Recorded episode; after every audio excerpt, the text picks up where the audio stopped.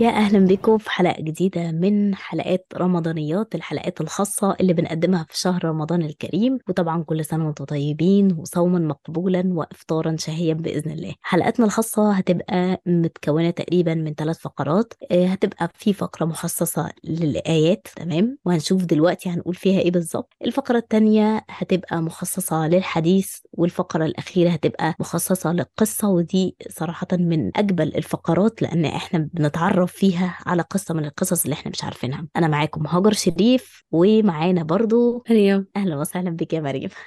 كيفك عاملة هلا إيه في الصيام؟ بخير الحمد لله. طيب النهاردة نبدأ إن شاء الله معاكي كده في الآية. كتير مننا بيقرأ سورة خواتيم سورة البقرة لكن قليل منا اللي يعرف سبب نزولها إيه. فهنعرف ده دلوقتي معاكي يا مريم حالا. رح أحكي اليوم عن قصة نزول أواخر سورة البقرة اللي هي آخر آيتين اللي بدايتها بسم الله الرحمن الرحيم آمن الرسول بما أنزل إليه من ربه. أول إشي سبب نزولها إنه كان في آية لما نزلت رح أحكي لكم الحديث اللي هو عن آدم بن سليمان. قال سمعت سعيد بن جبير يحدث عن ابن عباس. قال لما نزلت هذه الآية وإن تبدوا ما في أنفسكم أو تخفوه يحاسبكم به الله.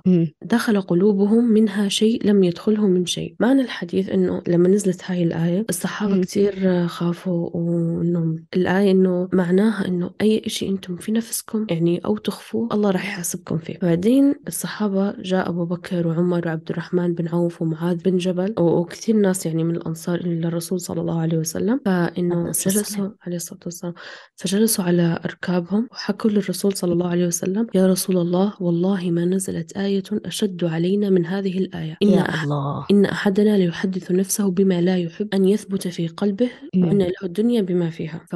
مم. فإنه تخيل إنه أنت كل إشي تحكي بينك وبين نفسك تتحاسبي فيه فإنه كانوا إنه يلا إنه يا رسول الله إنه كتير صعبة و... وإنا رح نتحاسب حتى بحديث أنفسنا فإنه رح نهلك. صح. فحكوا له هلكنا والله. فقال النبي صلى الله عليه وسلم هكذا أنزلت. مم. فقالوا هلكنا وكلفنا من العمل ما لا نطيق. فقال رسول الله صلى الله عليه وسلم أنتوا بتحكوا مثل ما حكوا بني إسرائيل. تمام رجل سيدنا موسى عليه السلام سمعنا وعصينا إنه إحنا بنسمع بس إحنا ما رح نطيع. فالرسول عليه الصلاة والسلام حكى للصحابة قولوا سمعنا وأطعنا. مم. فالصحابة حكوا سمعنا وأطعنا واشتد ذلك عليهم فمكثوا بذلك حولا. يعني قعدوا فترة بهذا الموضوع. فنزل الله تعالى الفرج والراحة بقوله لا يكلف الله نفسا إلا وسعها. الآية نسخت هذه الآية ما قبلها. قال النبي صلى الله عليه وسلم آه. إن الله قد تجاوز لأمتي ما حدثوا به أنفسهم ما لم يعملوا أو يتكلموا به. مم. آه، هذا إنه هذا الحكي تبع الحديث تمام؟ كمان حديث عن شرح هذه الآية. فلما النبي صلى الله عليه وسلم قالوا سم... حكى له نقول سمعنا وأطعنا. كرروها الصحابة تمام؟ وبعدين لما نزلت الآية إنه لا يكلف الله نفسا إلا وسعها حتى حتى بلغ أو أخطأنا. يعني حتى بلغوا إنه أو أخطأنا من الآية. فقال قد فعلت إلى آخر البقرة. يعني إنه لا مم. يكلف الله نفسا إلا وسعها. فالله بيقسم قد فعلت قد مم. فعلت قد فعلت. وهذا الحديث رواه مسلم عن أبي بكر بن أبي شيبة عن وكيع عشان يعني نوثق المصادر. فبس آم، عن جد إنه صور أواخر سورة البقرة وخواتيمها هي كبيرة كتير يعني. خصوصا إنه هي نزلت جدا. وفيها قسم إنه أول إشي إنه هم حكوا سمعنا وأطعنا. وهي بدايتها بتتحدث إنه آمن الرسول بما أنزل إليه من ربه والمؤمنون. يعني الرسول عليه مم. الصلاة والسلام آمن بكل إشي نزل والمؤمنون اللي معه من ضمن ال- الآية وقالوا سمعنا وأطعنا غفرانك ربنا وإليك المصير يعني نفس ما. إنه حكوا قالوا هو هن قالوا إنه سمعنا وأطعنا نزلت الآية نفس ما إنه حكى الله بعدين بيبدأ يحكي إنه لا يكلف الله نفسا إلا وسعها لها ما كسبت وعليها ما اكتسبت ولما ب...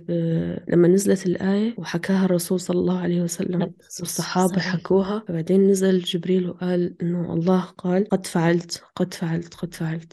يا الله لدرجة إنه في مشايخ بيحكوا إنه بس تمر بأزمة. تقريبا إن شاء الله إنه الشيخ عائذ القرني اللي أنا سمعتها منه. هلأ والله ناسي بس كنت صغيرة سم- سمعتها ولما دورت على. المحاضرة هلأ لما كبرت ما لقيتها. فالمهم إنه آه لأنه الله بيقسم على نفسه إنه قد فعلت قد فعلت. لما أنتوا بتكونوا مزنوقين أو أي إشي فاحكوا إنه أواخر سورة البقرة لا يكلف الله نفسا إلا وسعها لها ما كسبت وعليها ما اكتسبت. فهي فيها قسم إنه الله ما راح يكلفكم بإشي أنتوا ما نكون قده وما ما في وسع كون هذا الإشي تمام؟ و... فعلا يا مريم. وعن جد أنا أنا شخصيا مريت آه، بأشياء منا ظريفة أبدا. فلما أول ما تلقيت هاي الأخبار أو صارت هاي الحوادث أو حتى المرض أو أي شيء فبس لما آه، لما أقراها على نفسي أو رددها إنه في البداية خضوع وتسليم بالله باللي هو طبعا ينزله هالأنبياء وإنه إحنا يا الله خاضعين وكل إشي. بعدين بيجي القسم إنه الله ما رح يكلفكم بشيء أنتم ما عنكم قده ف. عن جد إنه الواحد آه، بيرتاح إيه. بيحس الحمد لله إن هو يعني في فعلا زي ما الصحابة بيقولوا كده يعني حتى ربنا يحاسبنا على الحاجة اللي في نفوسنا. وهنا بقى بنأكد على إيه؟ إن إحنا الحمد لله من لطف ربنا إن الحاجة الكويسة اللي إحنا بنفكر فيها تمام؟ أو الخير هنؤجر عليه تمام؟ سواء نفذناه أو ما نفذناهوش مجرد التفكير فيه. آه إنما ال- الحاجة ال- السيئة لو فكرتي فيها وعملتيها آه، يعني هت- هتكتب لك سيئة. إنما بقى لو فكرتي فيها بس ما عملتهاش ربنا مش هيحاسبك يعني مش هيكتبها لك سيئة. مم. مش هيكتبها لك سيئة. فدي بفضل الله سبحانه وتعالى ورحمته. شوفي قد إيه رحمته وسع كل شيء. ففعلا لا يكلف الله نفسا إلا وسعها. بالضبط.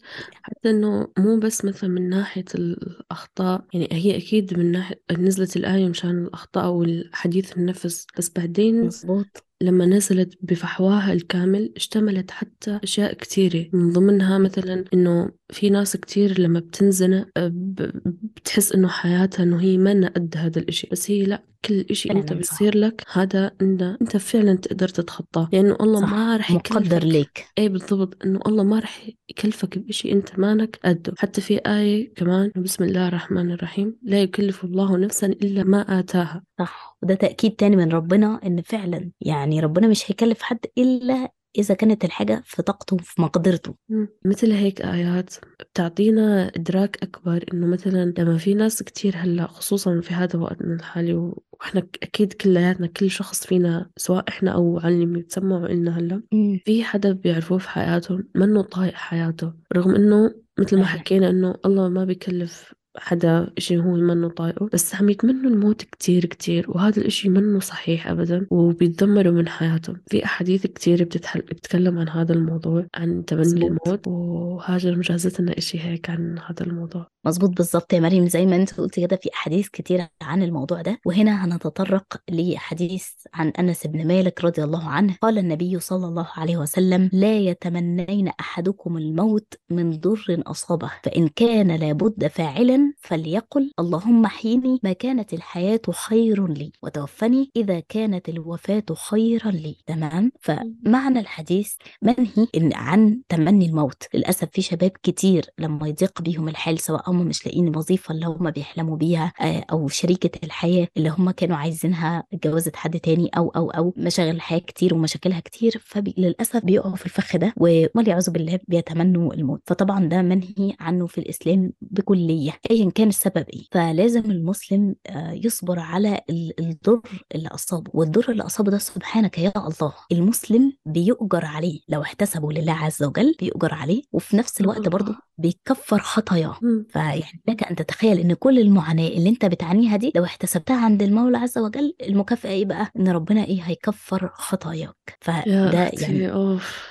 ترغيب ترغيب يعني سبحانك يا الله ترغيب من عنده بإن إحنا نصبر آه ونحتسب للمولى عز وجل في كل المشاكل اللي بتقابلنا بدل ما نتسرع ونتمنى الموت. كمان في نقطة مهمة جدا للأسف متمني الموت بيغفل عنها ألا وهي إنه الموت بيقطع العبد عن الأعمال الصالحة اللي بيعملها. يعني أنا قد أكون مثلا أهو سيب اتمنيت الموت والعياذ بالله تمام. ما أنا ممكن أنا ما أعرفش الغيب. طب ما أنا ممكن في المستقبل أنقذ قطة فأدخل الجنة بسببها. طب ما أنا ممكن أبعد أذى عن الطريق فأدخل بسببه الجنة إماطة الأذى عن الطريق. ممكن أدي حسنة صدقة يتيم أكفله أي حاجة خير أي عمل صالح أنا ممكن أعمله يدخلني الجنة صح ولا لأ؟ اي والله طيب أنا لو اتمنيت الموت خلاص كل ده هيقف. كان ممكن عمل واحد بس يدخلني الجنة؟ لأ هيقف. فده تحذير للناس اللي هي يعني بتتمنى الموت إن لأ ما يعني ما تقطعش عملك الصالح. خلي عملك الصالح في الدنيا. إحنا كلنا نفسنا يعني ربنا يطيل في عمرنا وإيه؟ ويحسن أعمالنا. وهي دي اللي النبي عليه الصلاة والسلام كان في حد في يوم من الأيام رجل يعني سأل النبي عليه الصلاة والسلام قال له إيه؟ قال له أي الناس خير؟ تمام؟ قال النبي من طال عمره وحسن عمله. تمام؟ آه. فسأل. قال له طيب فأي الناس شر؟ قال لك النبي عليه الصلاة والسلام من طال عمره وساء عمله. واليعوذ بالله. فدايما طول العمر مش دايما محكوم بال... بالحسن. لا عادي. ربنا في... بالله في ناس بيمهلها. علشان ياخدها أخذ عزيز مقتدر في النهاية وتبقى ختمتها للأسف من أسوأ الخواتيم. فلازم الواحد يطول عمره مع حسن العمل. يعني مهمة جدا إن الاثنين بيقترنوا ببعض. آه، فيعني ال... فالوقت ده بالظبط آه، يا مريم زي رأس مال التاجر. كل ما زاد كل ما زاد ربح التاجر معاه يعني كل ما رأس المال يعني كبر يعني بقى. أكتر كل ما المكسب زاد. فنفس الفكرة بالظبط الوقت ده هو رأس مالك مع ربنا. كل ما أنت استثمرت فيه وعلى قد ما تقدر استغليته في الأعمال الصالحة كل ما مراتبك عليت في الجنة لحد ما نوصل إن شاء الله رب رب ربنا يوعدنا بالفردوس الأعلى يا رب. إحنا في رمضان كده أجمعين فبإذن الله ربنا يوعدنا بيها. بس أجمعين فهو يعني ده مجمل الحديث. طيب هل في أي حديث تاني ذكر عن النبي عليه للنبي عليه الصلاة والسلام في المسألة دي قال لك آه قال لك النبي دخل على العباس وهو يشتكي مم. فتمنى الموت. العباس تمنى الموت. فقال صلى الله عليه وسلم يا عباس يا عم رسول الله لا تتمنى الموت. إن كنت محسنا تزداد إحسانا. إلى إحسانك خير لك. وإن كنت مسيئا فتؤخر تستعتب خير لك. مم. فلا تتمنى الموت. يعني أنت لو محسن لو أنت حاليا محسن في حياتك فهيزداد احسانك فخيرا لك. يعني دي حاجة خير ليك. انت مش عرفك طب ما انت مش عرفك بالغيب. انت ممكن. تزداد احسانك فتبقى خير لك. طيب وإن كنت مسيئا بقى. ما انت يعني خلاص ممكن آه، يعني ربنا يغفر لك الإساءة دي لقدام. ممكن انت؟ دلوقتي تكون مسيء وربنا لقدام يغفر لك الإساءة دي. فده برضو تاكيدا من النبي عليه الصلاة والسلام إن العلم علم الغيب هو عند ربنا. فانت ما تعرفش. جهز مستقبلك. ده يبقى أحسن ليك. فما تتمناش الموت. ما تستعجلش. انت مستعجل على إيه؟ يعني كده كده كل نفس ذائقة الموت. فانت مستعجل على نهايتك ليه؟ بالعكس حاول تحسن أعمالك على قد ما تقدر تمام؟ أنا معك آه. عن جد إنه فكرتيني بكتير شغلات الواحد غافل عنها. جدا والله والله جدا. فعشان كده الواحد فعلا بدل ما يشغل نفسه بنهايته لا اشغل نفسك بأعمالك الصالحة أفضل بكتير تمام؟ دائما الشخص اللي بيتمنى الموت ما يفكر شو رح يكون بعد الموت بس بده يخلص من هذا الإشي اللي هو عنده. الله ينور عليك اللي حكيتيه إنه لا لازم إحنا نفكر شو رح يصير بعد الموت. إحنا جاهزين أصلا له ولا لا. آه والله. فالواحد في حاجات أهم أهم بكتير. الموت بالنسبة لأي بني آدم زي الامتحان. فأنا كأني بروح بقول لا أنا عايزه امتحن. طب أنت مذاكر يا ابني؟ لا أنا مش مذاكر. طب ما تذاكر. ما أنت رايح تمتحن إيه؟ ما أنت هتسقط كده. صح. هتسقط. بس وللأسف الامتحان الوحيد اللي ملهوش إعادة هو امتحان الحياة. اختبار الحياة. هاجر اف عن جد كلامك قوي هاي الحلقة كتير والله جسمي عم بيقشعر والله يعني أنا أنا ذات نفسي لما سمعت الحديث لا يعني تملكني إحساس مخ... إحساس مختلف. ومعاكي وأنا بكلمك إحساس برضو مختلف. وإحنا في رمضان وأيام مفترجة فده يعلمنا إن إحنا إن شاء الله ندعي بحسن الخاتمة وحسن العمل. إن شاء الله رب بإذن الله الواحد رب الأحد. يا رب ارزقنا حسن الخاتمة والله من جد الله يرزقنا حسن الخاتمة ويغفر لنا ذنوبنا وكل إشي. يجعلنا من عباده الصالحين. يا رب اللهم آمين.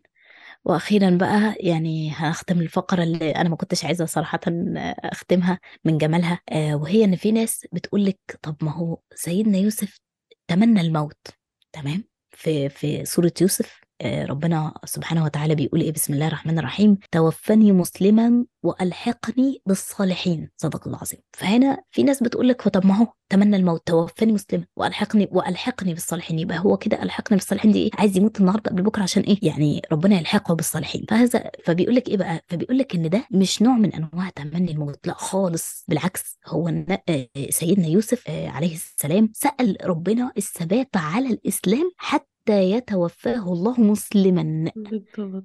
تمام. يعني بيسأل ربنا إنه يتوفاه إن شاء الله على الإسلام. بس هو ما بيسأل ما إنه بدي موت هلأ هو بي بيدعي كيفية موته. كيفية موت إنه يكون مسلم مثل الصالحين اللي قبله مو إنه بدي فعلا. موت يعني. صح. فهو زي ما إحنا بنقول ربنا يرزقنا حسن الخاتمة. ده معناته إن يا أنا عايزة أموت؟ لا خالص. فاهمة؟ ولكني أنا بتمنى إن ربنا إن شاء الله يحسن خاتمتي. يعني يعني يرزقني النهاية ال- التي يعني يتمناها كل عبد يعني سواء كانت في القرآن في الاستشهاد في في في فلا مهم جدا إن إحنا نقف عند الحاجات دي لأن في بعض المفاهيم المخ... الخاطئة اللي للأسف إيه، بعض الشباب بيتبنوها علشان تبقى بالنسبة لهم ستارة الأفكار السلبية يعني. وعلى فكرة بس هذا الموضوع بينتقل بالعدوى يعني تلقي رفيقه بيفكر بهاي الطريقة وينقلها إله فالرفقات عن جد بينقلوا بعض هاي الأفكار السامة لازم الواحد يختار رفقات منها. صح مهم جدا صراحة الموضوع ده يا مريم. أنا أتفق معاكي جدا. مم. فقرة صراحة جميلة مليانة بال... بالعبر يسلموا والقصص. فربنا إن شاء الله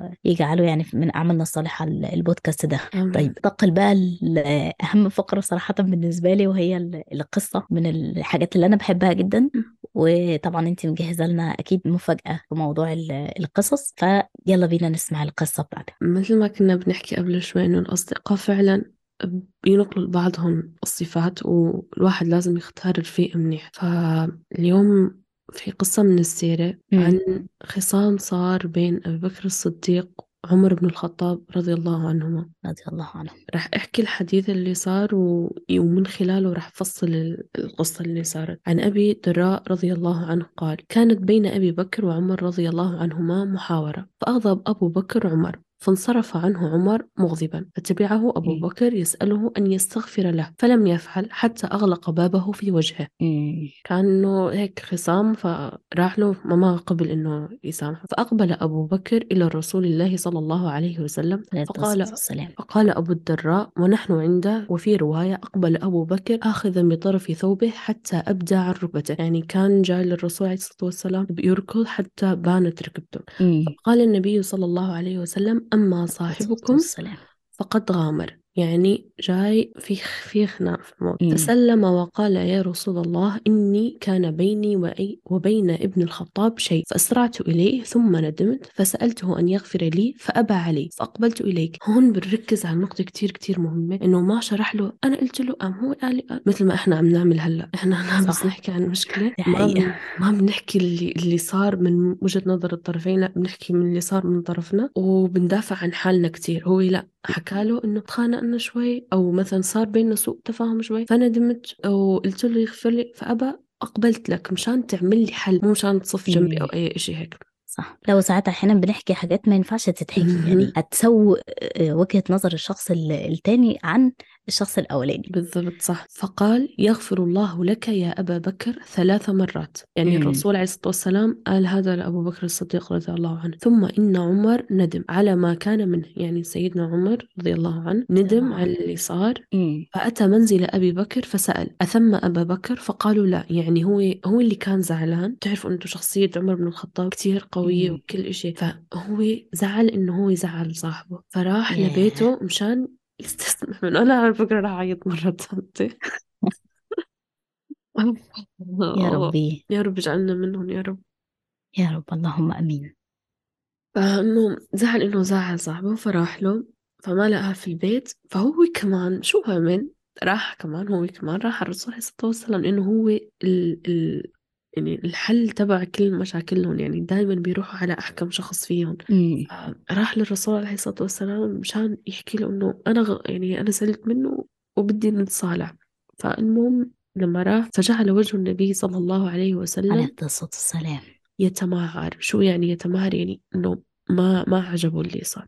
إنه ما عجبه من قبل مين؟ من قبل عمر رضي الله عنه. فاللي صار هون أبو بكر الصديق ما كان عجبه الموضوع إنه لا الرسول عليه الصلاة والسلام صف بصفي. لا إنه حتى أشفق أبو بكر فجثى على ركبتيه وقال يا رسول الله والله أنا كنت أظلم. قالها مرتين. أوكي. يا الله. صار بيتوسل إنه إنه سامحوا أنا اللي كنت ظالم. فقال النبي صلى الله عليه وسلم إن الله بعثني إليكم فقلتم كذبت. وقال أبو بكر صدقت. وواساني بنفسه وماله. فهل أنتم تاركي لي صاحبي؟ قالها مرتان. فما أوذي بعدها. يعني ما ما حدا أذى أبو بكر الصديق من بعدها ابدا. مم. هون بدنا نحكي عن الصداقة اللي كانت بينهم. ورغم إنه كل الصحابة هلأ في هذا الوقت كانوا المسلمين رغم إنه الرسول عليه الصلاة والسلام ما نسى على الصوت والسلام. اللي بدأ به أبو بكر الصديق. وأبو بكر الصديق ما إجا وخلى الرسول بصفه أو ما خلى إنه لما كان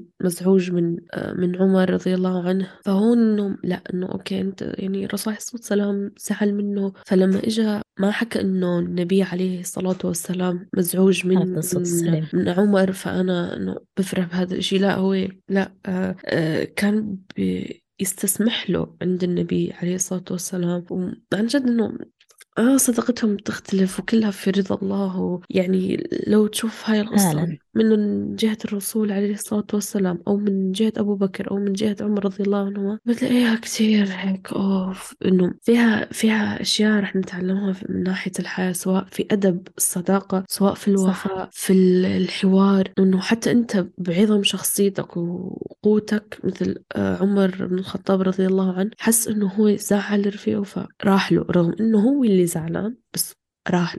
أنا في أحكي أكتر راح فعلا هذا ال... كمان والله يعني أنا في درس من القصة اللي أنت قلتيها آه، استفدته جدا إن هو مش من أول موقف مثلا آه، يعني صحابنا يعملوه معانا آه، نجري على طول ونشتكي ونقول وننهش في لحمهم زي ما للأسف في ناس كتير بتعمل لأن وارد جدا الخلافات في وجهات النظر بين ال... بين الأصحاب وارد جدا ده الصحابة الصحابة رضي الله عنهم جميعا كان في خلافات ما بينهم. لكن شوفي فرق بقى في التعامل مع الخلافات. يعني هم شوفي كل واحد فيهم عايز يستسمحه للتاني. إحنا لا. نفسي نفسي نفسي. أنا أنا اللي صح. أنا اللي لا مش هم عارفة إيه. راحوا للرسول عليه الصلاة والسلام مشان صح أفضل الصلاة والسلام.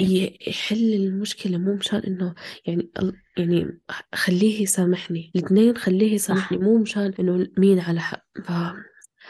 الله يرزقنا. الله يرزقنا يا رب. يا رب. اللهم آمين يا رب بإذن الله.